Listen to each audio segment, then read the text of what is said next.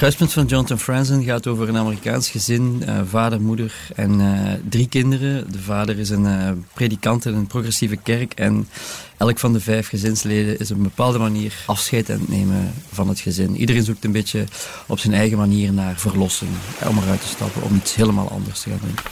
Ik ben met enorm hoge verwachtingen aan het boek begonnen, omdat ik Corrections had gelezen, onder meer, en Freedom, waar hij ook een familieleven ontrafelt.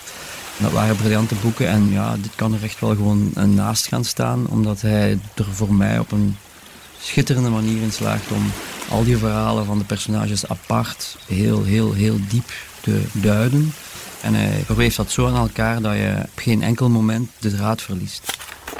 De grauwe hemel, doorstreept met de kale eiken en iepen van het voorstadje New Prospect, beloofde de samengang van twee weersfronten in een witte kerst toen Russ Hildebrand in zijn Plymouth Fury Stationwagen stapte voor zijn ochtendronde langs de huizen van bedlegerige en seniele gemeenteleden van zijn hervormde kerk.